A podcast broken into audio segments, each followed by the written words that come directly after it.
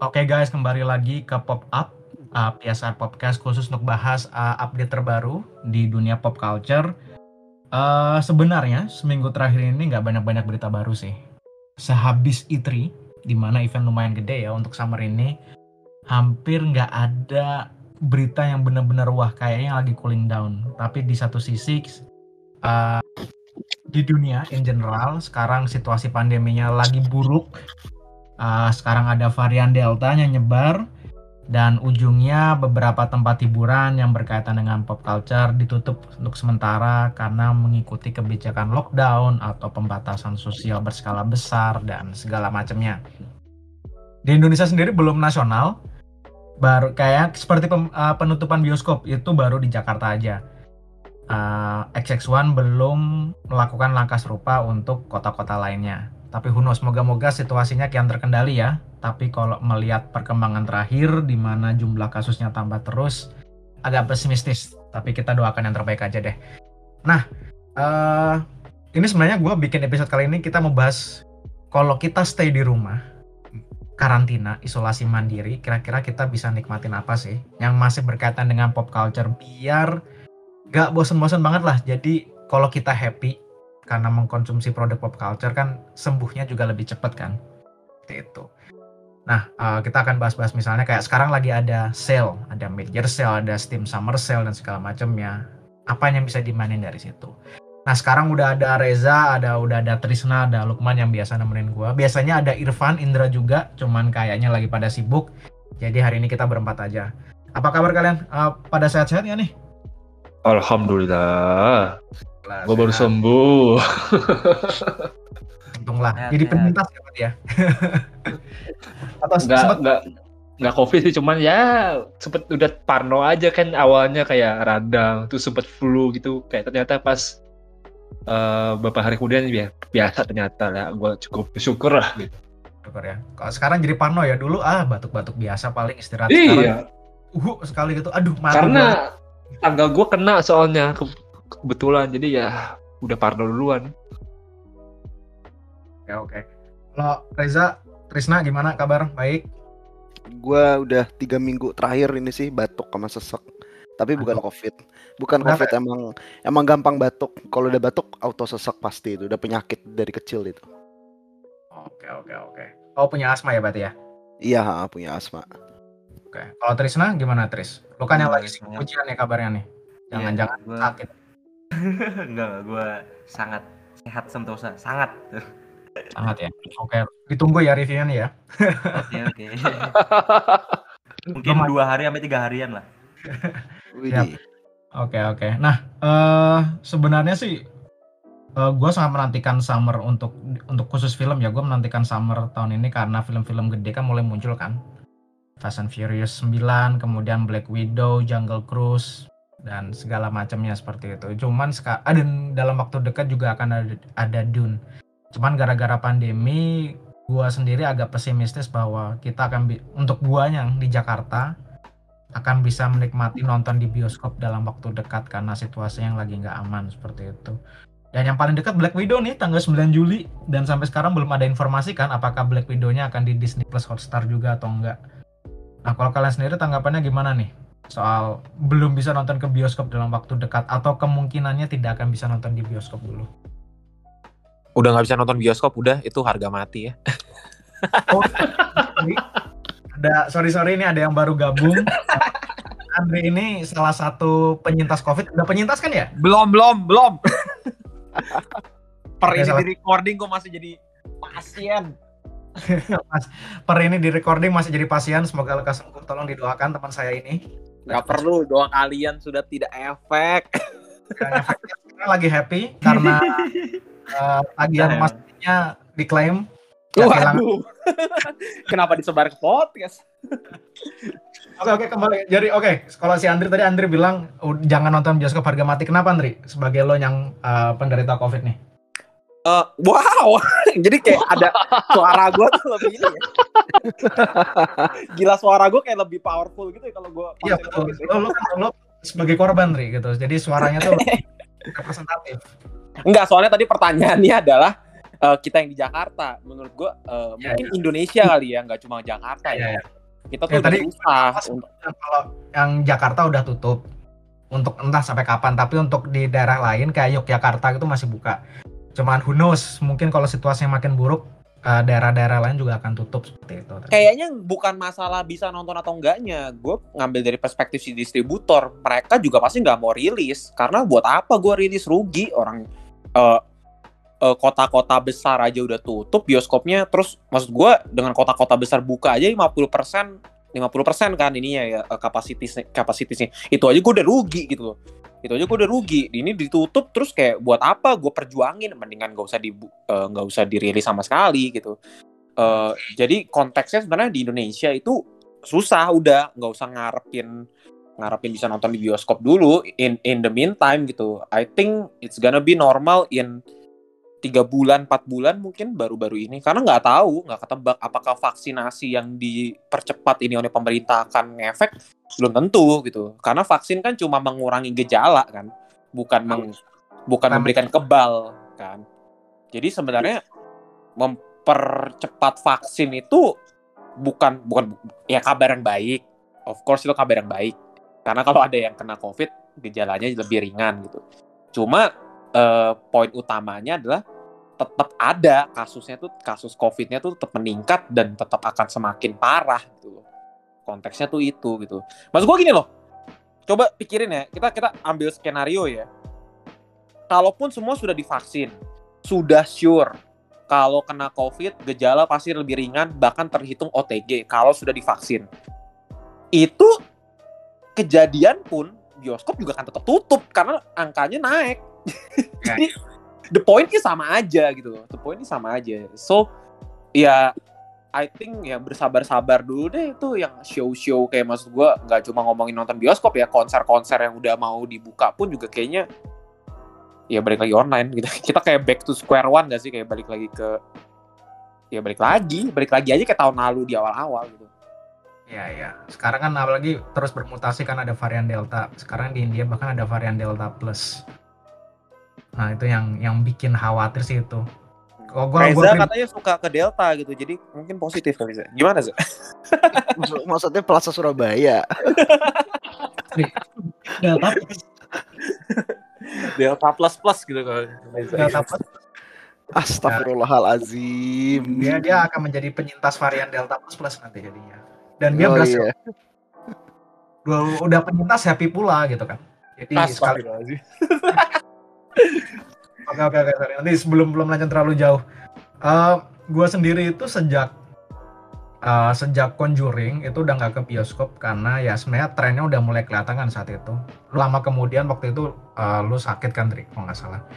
Ya dan gue jadi khawatir oke gua- eh, kalau circle circle terdekat gue aja udah mulai pada kena, gue sebaiknya nggak usah nonton dulu lah. Ini sampai sekarang masih ada tiket gratis nonton yang belum gue pakai sampai sekarang bahkan karena nggak berani gua pakai untuk nonton seperti itu. Nah, gua nggak tahu deh nanti Black Widow, gua nggak yakin akan tayang sih sekarang. Nah ini pasti nggak tayang sih udah pasti nggak tayang itu nggak tayang ya. udah pasti Gua nggak nggak yakin Disney Plus Hotstar Indonesia, eh sorry Disney Plus Hotstar itu bakal ada yang premium aksesnya. Tuh. Eh, oh ya. kalau Indonesia ya dong Indonesia udah pasti nggak ada premium akses itu udah harga Oh. mati karena Oh, gitu. emang beda sumbernya tuh beda that's why eh, Disney Plus di Indonesia ini kolaborasi sama Hotstar kayaknya karena masa perizinan ya. Dia nggak nggak resmi Disney Plus yang kayak di US atau yang lain-lain. Makanya dia kolaborasi sama Hotstar. Gue ragu kalau itu tuh karena masalah kolaborasi streaming service ya supaya eh, Indonesia bisa masuk eh, terus pilihan-pilihan opsi-opsi streaming filmnya lebih banyak karena dari India dan segala macem. Gue ragu karena itu. Kayaknya gue feeling gue tuh karena izin. Hmm. Izin sama sama duit juga sih menurut gua, Bang. Karena kan Pasti- Indonesia pasti maksudnya sih kalau duit pasti sih Indone- eh, eh, kalau duit maksudnya kan kayak Indonesia, mana ada orang Indonesia beli film digital sedikit pasti kan? Paling paling banter rental sih. Iya, Iya, ha, kayak paling gua. banter rental, iya. Kayak bioskop Rental online Google lagi Movies. gitu kan. iya bener. nggak nggak permanen lagi ya belinya nggak permanen men Cuman cuman dua minggu kalau di Google Google Video iya nggak ya? Ya kan, Google Pan, ya? Movies dua, dua minggu, tapi kalau setelah nonton dapatnya dua hari doang. Waduh. Hilang. Dah. Oh, oke. sama Jadi- kayak jadi- jadi- sama kayak iTunes berarti sama kayak Apple. Kayak itu. Jadi kalau lu beli itu ada standby dua minggu. Cuma kalau udah nonton sampai full itu Jadi cuma berlaku 48 cuma dua hari. Iya, Ya, 48 jam. 48 jam ya. Ah, ya sama sama sama berarti konsepnya. Soalnya gini, gua gua kepikiran masih ada potensi karena kayak Raya and the Last Dragon, Soul, Luka itu tayang di Disney Plus. Kenapa Oh, Black tapi- Widow di situs tapi kan kalau Raya setelah berapa bulan dan kalau Raya itu jadi kalau soal Raya sama Soul itu memang atau Raya aja ya kayaknya kurang kurang Raya doang. Itu di hari yang Wah. sama. Luka juga di hari yang sama. eh, pokoknya kalau Raya itu se- setelah dia dipindahin ke bagian gratis Disney Plus di US, Indonesia juga dapat. Oh, Oke oke oke. Raya kan muncul di bioskop Indo ya. Gue nonton di bioskop soalnya. Ya kan lo yang review. Iya. gue yang review betul juga. Makanya gua gua nggak tahu. Makanya gue pikiran kalau Luka aja kemarin bisa, kenapa Black Widow nggak? Cuman mungkin karena ada pertimbangan uh, duit ya. Black Widow tentu akan uh, cash grab banget. Maksudnya bisa dapat duit lebih banyak dibanding Luka pastinya. Enggak bang, bukan bang. Kalau Luka memang dari awal memang dia sudah Disney Plus eksklusif. Oh gitu. Oh, Ah, memang beda. Jadi bukan Premier Access. Jadi memang Luka free untuk semua orang. Padahal filmnya juga nggak bagus-bagus banget ya. Ya tapi lumayan lah bang maksudnya daripada nggak ada loh. Gratis Iya. Bro. Gratis lagi. Anjir kok bayar Disney Plus gratis apa? Ya nggak maksudnya subscription doang, langganan doang, nggak bayar lagi tambahan. Wah, Gila. Black Widow nggak jelas nih kayaknya bakal pada beralih ke Pahe, Pahe Plus ini. Oh Pada- iya, heeh. Apa uh, a pirate life for me langsung. Apa uh, Naben, naben, naben. atau apa sih Cinema 21 atau apa dulu? Layar kaca 21 dulu. Wah, Gua udah- tuh langganan gua. Udah nggak ngebajak lagi gue jadi nggak tahu apa link bajakannya. Iya ya. Gua gua dulu masih masih lihat itu ada yang pakai layar kaca 21. Bahkan di tempat gua kerja itu kata kunci layar kaca 21 itu masih masuk salah satu kata kunci yang paling dis, paling sering dicari oleh pembaca loh. Gila, orang-orang tuh segitunya mencari film bajakan layar kaca 21 seperti itu. Oke dah. Nah, sekarang kan karena kita nggak bisa ke bioskop atau jangan ke bioskop dulu lah, situasi lagi nggak aman. Nah, kalian akan menghabiskan summer season ini dengan nonton apa kira-kira? Lo, Andri, lo ada lagi film yang lagi lo tonton nggak selama lo? Salah lu. Pertanyaannya bukan lagi nonton apa, dengan apa? Nah, bukan dengan siapa kan tapi Dengan wadaw. awas lu melanggar isolasi mandiri, gua laporin. Den- dengan apa? Menurut gua, menurut gua harus jangan disegmented ya, harus nonton film apa ya? Karena kita kan PSR kan nggak cuma ngomongin film ya. Tapi ngerekomendasiin apa gitu lah kira-kira? Justru menurut gua ini akan- ini balik lagi ke, ke tahun lalu nih. Kalau tahun lalu kan rame dalgona dan lain-lainnya, I think itu akan lewat karena orang udah tetap nongkrong masih boleh soalnya. Jadi akan balik lagi rame main game nih. Gue menunggu. Jadi instead of film ya, karena menurut gue film ini agak tricky. Eh, Kalau kita ngomongin tren, ini gue gue coba tarik garisnya dari tahun lalu ya ke sekarang ya. Kalau kita ngomongin tren, eh, dunia, gue nggak ngomongin film doang ya, series juga ya. Film atau series itu akan rame tapi segmented ke Korea itu pasti itu Oke. pasti. Pegang Bener kata-kata sih. gua. Itu pegang sih. kata-kata gua. Pasti Korea drama in the in the next second three month pasti ada rame gitu. Pasti rame lah. I don't know apalah drama Korea pasti rame. Menurut gua selain itu adalah game. Game balik lagi. Justru gua menunggu tren games pengganti Among Us. Hmm, gue menunggu oke. itu. pasti akan ada Oh. tren game baru. Dulu kan eh as far I know ya yang rame itu waktu itu Fall Guys gue ingat banget Fall Guys karena gue beli Fall Guys demi bisa main sama gebetan tapi ternyata kandas Ya. Fall Guys Among Oke. Us Among Us dan, dan ini eh, Gartic Ayo dulu tuh Gartic Ayo rame Oh ya, lu sering ngajak main Gartic Ayu Ah, juga. ah, eh, tiga game itu dulu tuh eh, di top list karena multiplayer lebih mudah, easy, eh, nggak nggak nggak semua nggak harus gamer yang main itu, gitu loh. Eh, musik, ya gak usah diharapin ya, kayaknya. Gua ragu kalau online konser, online apa sih yang online online lah musik musiknya performance yang online online akan naik lagi gitu. Kayaknya udah boring, kayaknya udah lewat masa-masa itu kolaborasi online dan lain-lain untuk untuk konteks musik Eh, karena again meskipun covid meningkat dan I don't know it's, it's gonna be PSBB again atau enggak tapi eh, masalahnya kafe itu tetap boleh dibuka. Jadi eh, live music live music mungkin pasti akan tetap ada. Mall masih boleh dibuka. Jadi perform perform yang di panggung-panggung kecil mak- akan masih ada. Jadi eh, online konser tuh akan nggak nggak akan jadi tren lagi. Tapi game gue yakin game akan jadi tren lagi. Gitu. Kalau game eh sorry kalau film atau series I think Korea. Korea ya. Korea pasti naik lagi. Zaman startup dulu gitu ya, Andri ya. Heeh, gue nggak tahu yang the nextnya apa ya, karena kayaknya Korea kan bakal bakal rame ini nggak cuma ngomongin series, tapi film-filmnya juga termasuk eh, kayaknya bakal rame gitu. Ya, lu kayak kemarin aja Sweet and Sour yang sebenarnya tuh kan adapted dari eh, versi yang Jepang, cuma gitu aja rame banget gitu, omong diomongin banyak gitu. So Korea sih. Jadi Ah. lupain dulu lah Marvel ya gitu. Ini eranya Korea gitu. Oh Sanchi pasti akan rame Sanchi. Senchi, Senchi kapan sih?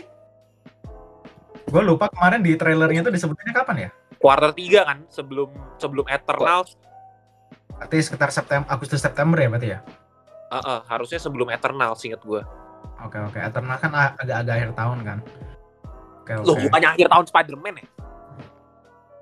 Eternals November kan? Eternal November, Desember tuh Spider-Man, inget gue. Gila ya. Ah, moga-moga pas itu bioskop udah buka deh. Please. Ya harus, ya nggak tahu deh, lihat aja deh. Gak usah berharap banyak ya gitu. Ya, Gue udah misal, damai gitu. misal bioskop nggak buka karena masih ada pahe, ada Wadaw. Ini sungguh Makanya masakan. nonton film-film Marvel tuh harus nonton di bioskop, feelsnya tuh beda. Iya, nonton di layar apalagi lah kalau nontonnya di layar HP. Aduh, nggak maksimal banget. Waduh. Itu pas uh, apa? uh, Zack Snyder Justice League. Eh sorry, iya Zack Snyder Justice League itu aja gua gua sendiri merasa nggak maksimal ya karena nontonnya di komputer gua. Gua berharap waduh. Gue nonton di HP, men. Just League, men. Hatinya sambil megang HP, Ndri. Kemeng. ah. Iya, gue sampai tiduran gitu megang HP gitu. Eh, HP gue kan Dolby ya, terus kayak getar di kiri, getar di kanan. Terus gue mikir, "Ah, anjir nih gue kalau nonton di bioskop keren banget nih gitu, surround gitu. Iya, iya benar. Mungkin nanti bioskop-bioskop drive-thru ada lagi kali Ndri ya? Masih ada nggak sih sekarang? Eh, itu juga gue ragu masih ada lagi karena drive thru itu eh, yang di yang dijual tuh experience-nya. I think se- sejak orang-orang udah boleh nongkrong di kafe dan restoran, Mhm. itu udah nggak jadi seksi lagi, itu nggak jadi menarik lagi gitu. Karena gue udah boleh nongkrong gitu, udah boleh keluar. That's why eh ya gitu deh, pokoknya konteksnya tuh gitu gue tuh ngikutin customer behavior aja trennya ke mana. Karena kan Indonesia orang Indonesia ini kan cepet latah ya. Mhm. ini gini deh kalau udah nggak men- semenarik itu dijadiin Instagram story atau misalkan dijadiin Instagram story itu bukan sesuatu yang keren I think itu trennya udah selesai gitu. Termasuk si drive thru trennya Iya, udah iya. selesai. Karena Selesai. drive thru tidak menawarkan film baru drive thru itu menawarkan film-film lama aja experience yang dijual gitu. So dengan harga yang ha- mahal juga lagi seratus ribu per orang men gitu. Lu bayangin dua orang dua ribu gitu Jadi biaya kan mesti hidupin AC segala macam kan biar bisa Yes, dan eh, dan itu itu jadi nggak menarik lagi, nggak nggak nggak nggak menjual lagi lah gitu. Orang lebih suka ke kafe-kafe yang outdoor itu lebih lebih seksi gitu loh. Ya paling juga karena covid ntar lagi. tuh. Waduh. Jadi, jadi menarik. Oke, kalau film memang agak tricky ya, sehingga eh, kalau tadi menurut pendapat lo, game yang kemungkinan bakal jadi apa ya, hitnya di masa-masa pandemi lagi buruk-buruknya lagi sekarang gitu. Nah, gue penasaran game apa Ndri yang kira-kira menurut lo keren sekarang ini? Nah itu yang gua nggak tahu. itu yang gua nggak tahu. Reza dari sama Lukman dari tadi kan belum belum banyak bicara nih. Eh, Reza ini kan yang anak gamer nih, yang dia mantau banget. Lo lo ada saran nggak kira-kira game apa nih? Mumpung lagi mid year sale sama Steam Summer Sale kan, kalau nggak salah. Wah, kalau game multiplayer gua agak kurang ini ya. Secara kan kayak tipikal Among Us itu kan dia out of nowhere gitu loh. Tiba-tiba aja populer kan ya. Iya iya iya. Plus dia mobile. Pokoknya kalau untuk game tipikal Among Us Itu dia harus mobile. Itu yang itu yang nomor satu. Berarti Iya, soalnya pandemi kan bikin orang kesepian ya. Jadi harus multiplayer yang laku. Kalau bukan multiplayer nggak mungkin gitu. ini lo ngomongin diri sendiri ya, kesepian. Terus juga kayak Fall Guys, kayak Fall Guys itu dia menang di free di PS. Jadi kayak semua orang yang punya PS auto dapet. Tapi sekarang Fall Guys sepi ya, kayak banyak yang main deh. Sepi soalnya gitu-gitu doang. Ya, Gue ya. main lagi kemarin malam saking bosennya gitu kena covid kayak ngapain ya gue. Rame nggak? Rame nggak? Nah itu gimana rame-rame nggak? Ya gimana gue tahu rame atau enggak gitu. Gue mainnya ya sama sekian Maksudnya player lu- dalam satu ronde kan. Gamenya lama nggak? Loadingnya lama nggak masuk ke gamenya? Standar sih. Standar sih. Standar ya? Oh, Mhm. berarti masih banyak yang main. Atau mungkin bener kata lo, trennya oh, oke. Sekarang gua kejebak ke rum- di rumah lagi. Saatnya kembali menengok Fall Guys seperti itu. Kalau Lukman, lo kepikiran nggak ada game apa yang menarik, Man?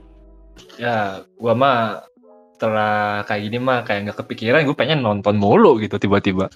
Laptop gue juga masih laptop kantoran gitu. Tapi gue gue penasaran apa? s- karena tadi Tapi- Andri tapi- BTW, Mhm. eh gue tuh iseng nih nyobain download eh Personal 5 Strikers kan. Apa? Bi bisa. Bisa laptop dengan RAM gua 8 GB dan apa grafik cardnya bawaan ternyata bisa. Itu tapi settingnya paling low banget dan gue masih bisa enjoy.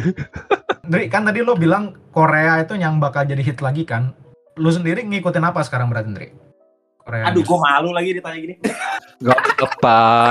Gue akan bilang Tidak sama yang apa-apa. nonton deh kalau gitu. Tadi udah nyebut Sweet and Sour, berarti lu nonton Sweet and Sour berarti. Ayo dong Opa Andri, ayo dong. Gue sekarang sejujurnya ya. Gue sih gue harus akuin ya. Gue tuh sekarang lagi suka nonton Korea gitu. Serius serius. Di Netflix tuh gue gue random picking aja gitu. Karena gue tahu nih. eh gue kan gak suka yang terlalu mainstream ya. Jadi gue pikir gue mau nyari film Korea yang orang-orang gak pernah jarang nonton. Jadi yang gue ngambil yang yang kayak recommendation Netflix gitu. Biasa kan gue kalau ngeklik satu film di bawah-bawahnya kan recommendationnya yang kalau lu suka dengan film itu kan. Jadi gue kayak carry picking aja gitu loh. gue lagi ngelihat covernya yang bagus yang mana, terus kayak percentage eh, oke-nya tuh di atas 50%. Kadang-kadang gue nonton random kayak for the sake of ya kayak gue lagi demen aja nonton Korea gitu. Kadang-kadang se- seperempat jalan juga nggak tahu nih film apa, gue gue langsung drop atau gue kayak penasaran tapi gue kayak udah nggak ada mood gitu jadi gue langsung buka Google gue lihat hipnosisnya di plotnya Wiki- Wikipedia kan kadang-kadang lengkap tuh plotnya tentang apa sih gitu oh kalau misalkan ternyata by overview plotnya menarik buat gue mungkin gue terusin. Tapi kalau udah nggak menarik kayak ah there's nothing surprise anymore ya udah gue gue drop. Jadi banyak banyak yang random gitu loh gue juga nggak tahu gue nonton apa gitu. Kalau lu tanya sekarang juga Julia Julia nggak tahu gitu.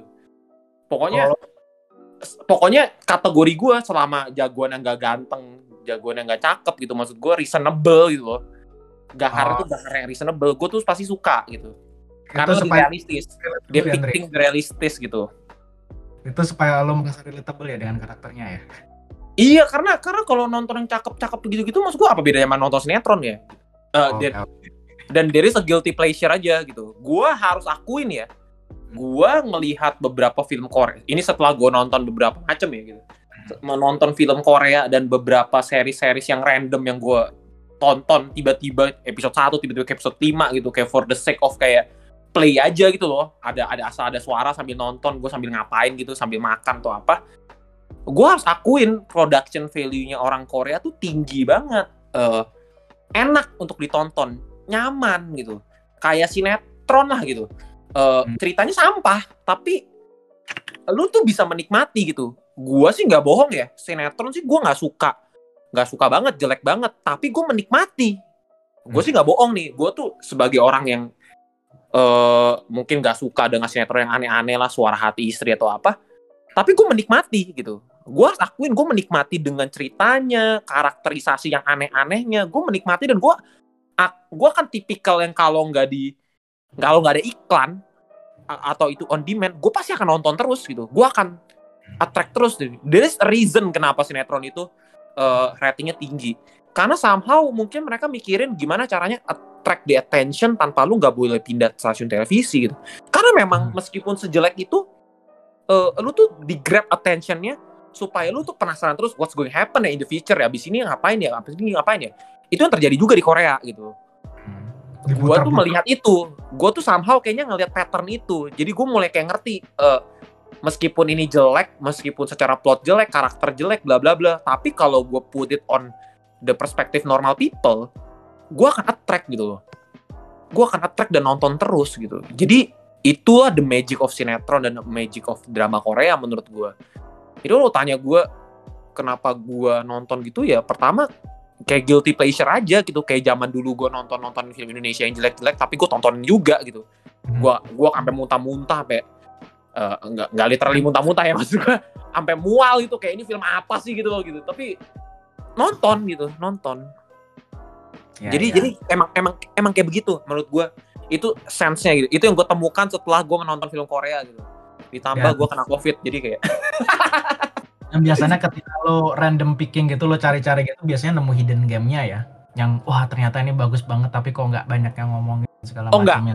kalau Oh, enggak ketemu yang bagus enggak gua nggak ketemu Oh, belum ketemu? Oh, nggak oke. ketemu gua nggak ketemu yang di Netflix ya gue ngomong Netflix ya Ya, ya, Eh, ya, dan ya. ini random picking ya. Kalau misalnya gue suruh nyari yang bagus-bagus mah gue tahu gitu loh. Eh, di Netflix banyak yang bagus kok film-film Korea. Itu gue tahu. temen gua ini apa Vincenzo tuh bagus tuh. Vincenzo. Iya, ha. Vincenzo kayaknya bukan itu salah satu series Korea yang menurut gue production value-nya tinggi, eh, delivery-nya bagus. Cuma gue nggak cocok aja gitu kayak kalau gue mau beda kritik selera. kan ada lah yang bisa gue serang lah gitu. Ya kalau dari random picking tuh biasanya dapat hidden game-nya karena lo kan tidak secara spesifik nyari yang bagus kan. Dan tiba-tiba lo nemu kayak wah ini ada hidden treasure nih. Ternyata banyak orang nggak tahu seperti itu.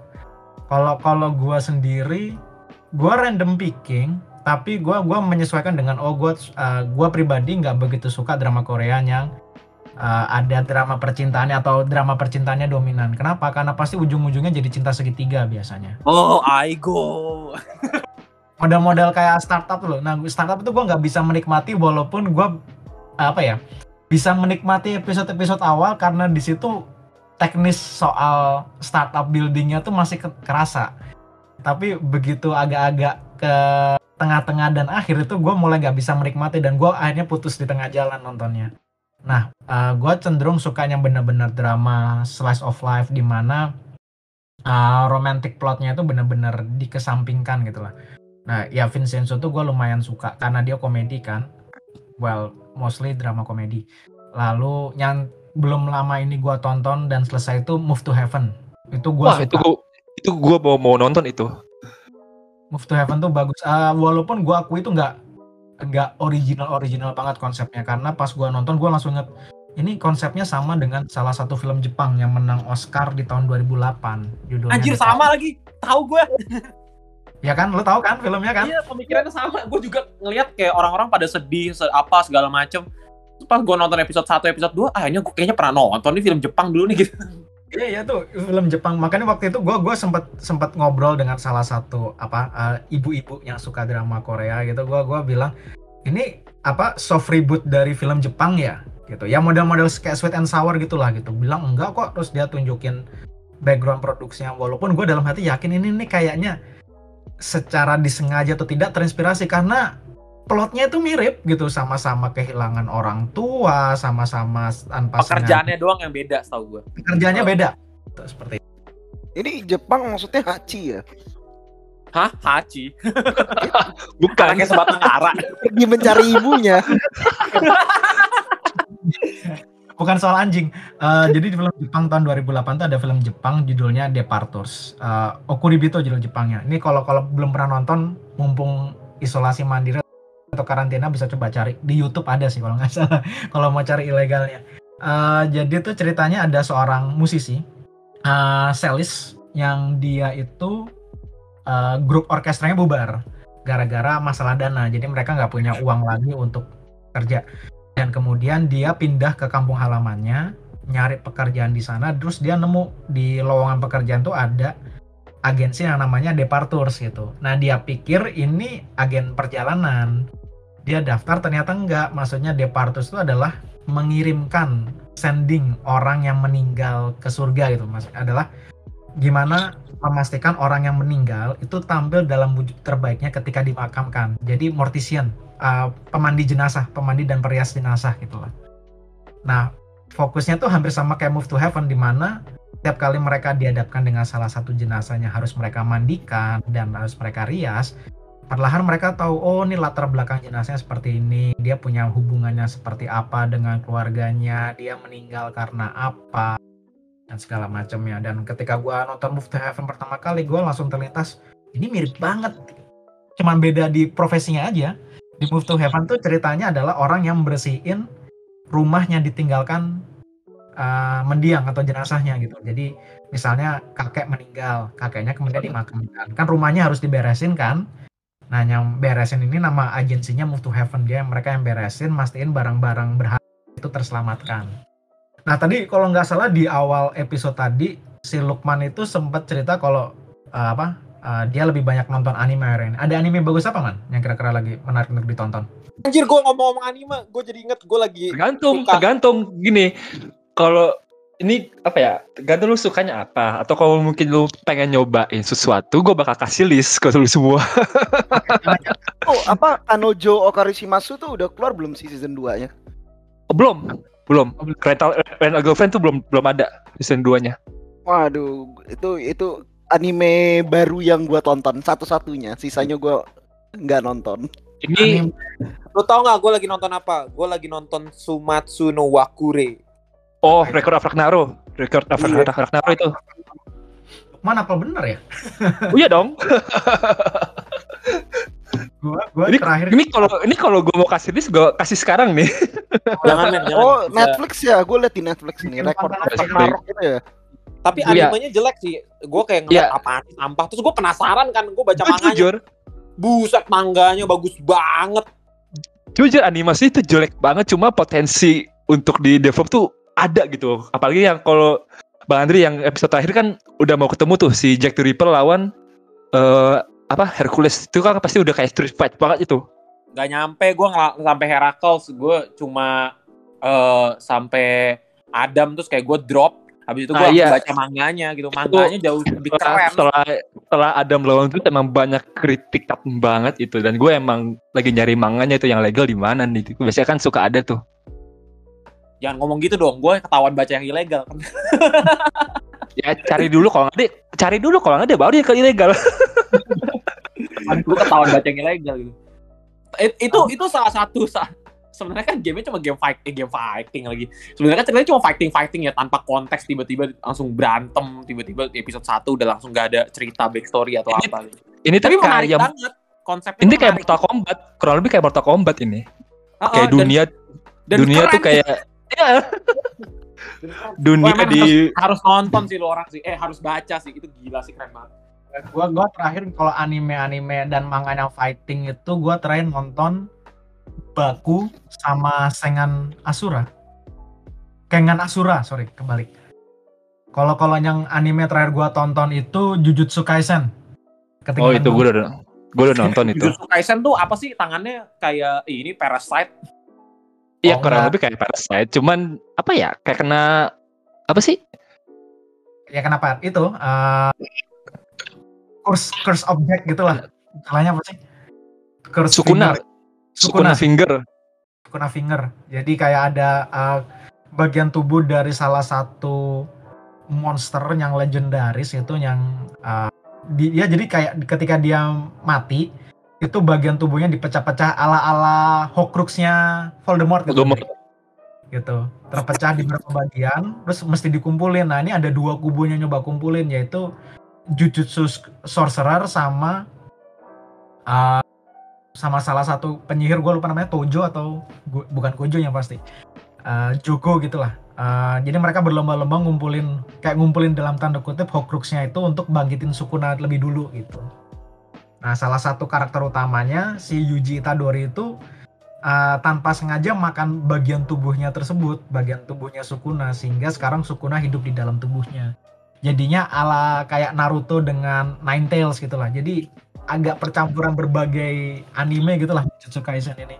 Ngomong-ngomong Naruto, gue nonton Boruto juga tiba-tiba gara-gara lagi lawan Jigen kan.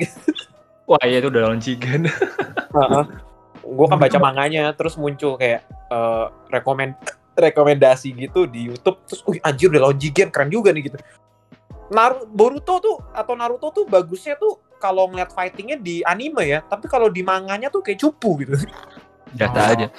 Ya.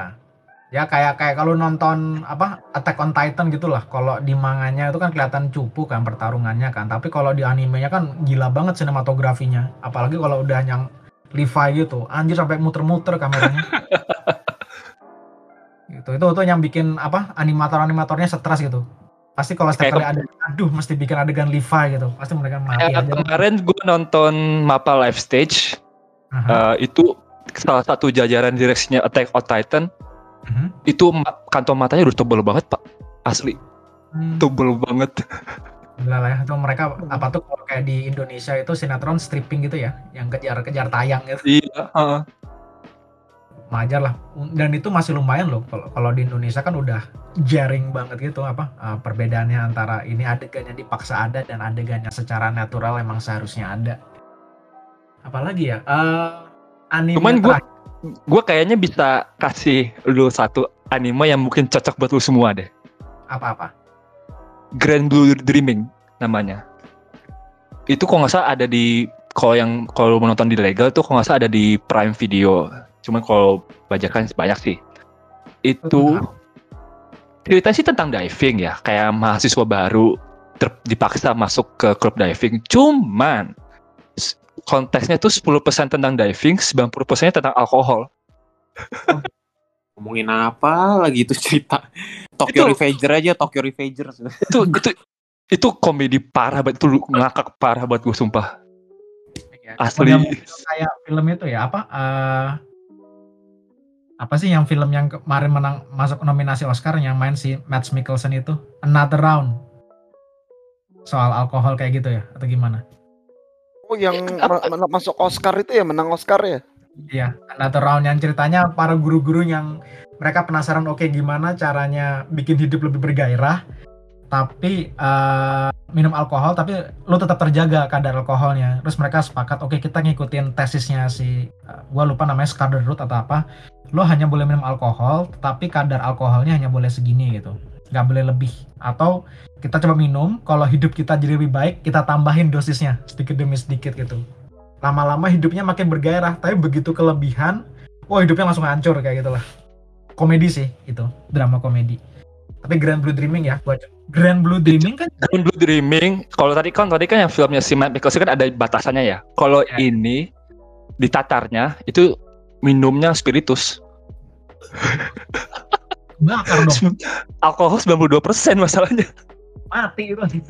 Itu gue nggak itu gue nggak ngakak ngakak parah kayak gue pikiran gitu. Awalnya tuh ya tentang diving gitu kayak klub penyelam. Terus tiba-tiba kok ada jokes jokesnya jokes alkohol. Anjir gitu gue ngakak banget sumpah. pas yang bikin yang bikin anime atau manganya mungkin pas lagi mabuk gitu kayaknya lagi lagi nggak lagi nggak sober gitu. Apa terus mereka langsung wah tiba-tiba muncul joke-joke semua soal alkohol. Apalagi satunya lagi apa lagi? Ya apa ya mungkin kalau kalau action ya. Hmm. ini ada di YouTube sih namanya tuh Akudama Drive aku Dama Drive oke. Itu kurang lebih vibe-nya kayak Suicide Squad.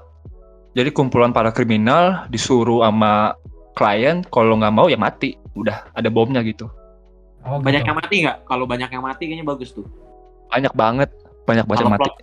yang mati dari jagoannya apa dari musuhnya? Semuanya. Ini matinya tuh banyak banget dan gue rasa sih porsinya sih sama rata antara karakter utama sama penjahatnya gitu. Apa sorry bukan penjahat lawan lawan mainnya gitu. Penjahatnya jagoannya ya soalnya. Ah, menarik. Oke oke oke kita coba cek nanti. Nah eh, ini kita udah mau selesai. Eh, kayaknya kalau dipanjang-panjangin nanti malah agak-agak bingung kita mau ngomong apa lagi. Tapi pada intinya gini eh, ada banyak cara buat tetap happy gitu meskipun lo di rumah gitu kayak Andri nih dia kemudian ngecek banyak-banyak drama Korea mungkin keluar-keluar dia jadi apa jadi anggota army juga mungkin nanti Eh, nanti gue marah-marah ya kayak BT eh, fansnya BTS gitu ya ARMY gitu Army itu salah satu ormas terkuat di Indonesia, Andri. Selain Ojol dan FPI. Jadi jangan salah. Army army kok joget-joget gitu angkat senjata Mereka angkat senjata gitu. Senjata mereka adalah sosial Duit. media. Ya taruh mah duit. Oh iya. iya gue ngomong-ngomong BTS gue belum beli Mac di BTS nih abis ini gue beli udah covid nih ada itu pasti di Tokped yang jual-jual gitu. Itulah. Oke, eh, thank you Andri, Lukman, Reza udah temenin ngobrol hari ini. Kita ngobrol-ngobrol soal pandemi, juga bagaimana menghabiskan eh, waktu di rumah, menjaga I kesehatan. think I Hmm? think kita perlu bikin video di YouTube karena di video di YouTube kita yang masih top performance dari tahun lalu sampai sekarang adalah cara meluangkan waktu di masa pandemi. Video itu Oke. sampai sekarang masih top performance, Karena making money. I think kita harus buat itu. Oke, oke. Kita kita masukkan plan berikutnya deh. Kalian kalian nanti tapi gimana caranya anak-anak ini bergabung online semua berarti ya? Nanti video call aja kali. Gampang. Selama ada selama ada Zoom semua bisa. Ya lo fokus sembuhin diri lo dulu lah. Iya nih lo- tahu nih dari tadi nih gue masih muka lo nih. sakit yuk. Oke oke, Eh, thank you Reza, thank you Lukman. Eh, Teman-teman tetap stay safe, stay healthy, jangan keluyuran, please. Kalau kalian taat prokes, makin besar kemungkinan nanti kita bisa nonton film-film di bioskop dalam waktu dekat gitulah. Oke, thank you ya semuanya. Ya, Eh, ini pesan dari pasien COVID, jangan jadi covidiot ya. Sakit men, mau mati men. ya, ini dari salah satu covidiotnya. Eh, episode kali ini disponsori oleh Andri yang seorang covidiot. Untungnya bentar lagi dia tobat. Moga-moga dia beneran tobat gitu. Anaknya emang bandel sih. Gitu. Tapi ya, Anjir, gue lagi lagi apa? Lagi cuma bercanda-bercanda doang di PSR punya Instagram story tiba-tiba di tag sama anak-anak get well soon, get well soon. Lah kenapa tiba-tiba gue di tag? Padahal poin gue cuma mau kasih sosialisasi, eh jangan kena covid, gue kena nih. Eh tiba-tiba gue di get well soon, get well soon, rame tiba-tiba Instagram gue. sekarang kan lo resmi jadi duta covid, Tri. Tipikal di kan. Lo melatih lo jadi duta. Jadi duta covid. Mau gue? Oh gitu ya? Ya, boleh boleh. Lo di, udah di endorse covid kan? Seperti katanya Emon, bintang Emon. Ah, nanti tiga bulan lagi gue duta vaksin gitu, karena gue belum boleh vaksin. Ya, ya, sekarang. Yang belum vaksin, seperti kata Andri, jangan lupa vaksinasi. Mumpung sekarang gampang. Gua tadi lihat tes antigen juga makin murah. Ah, jadi please apa taat prokes, ikut vaksinasi dan stay safe juga. Oke guys, thank you ya. Sampai ketemu di episode pop up berikutnya. Dadah. Bye. Go.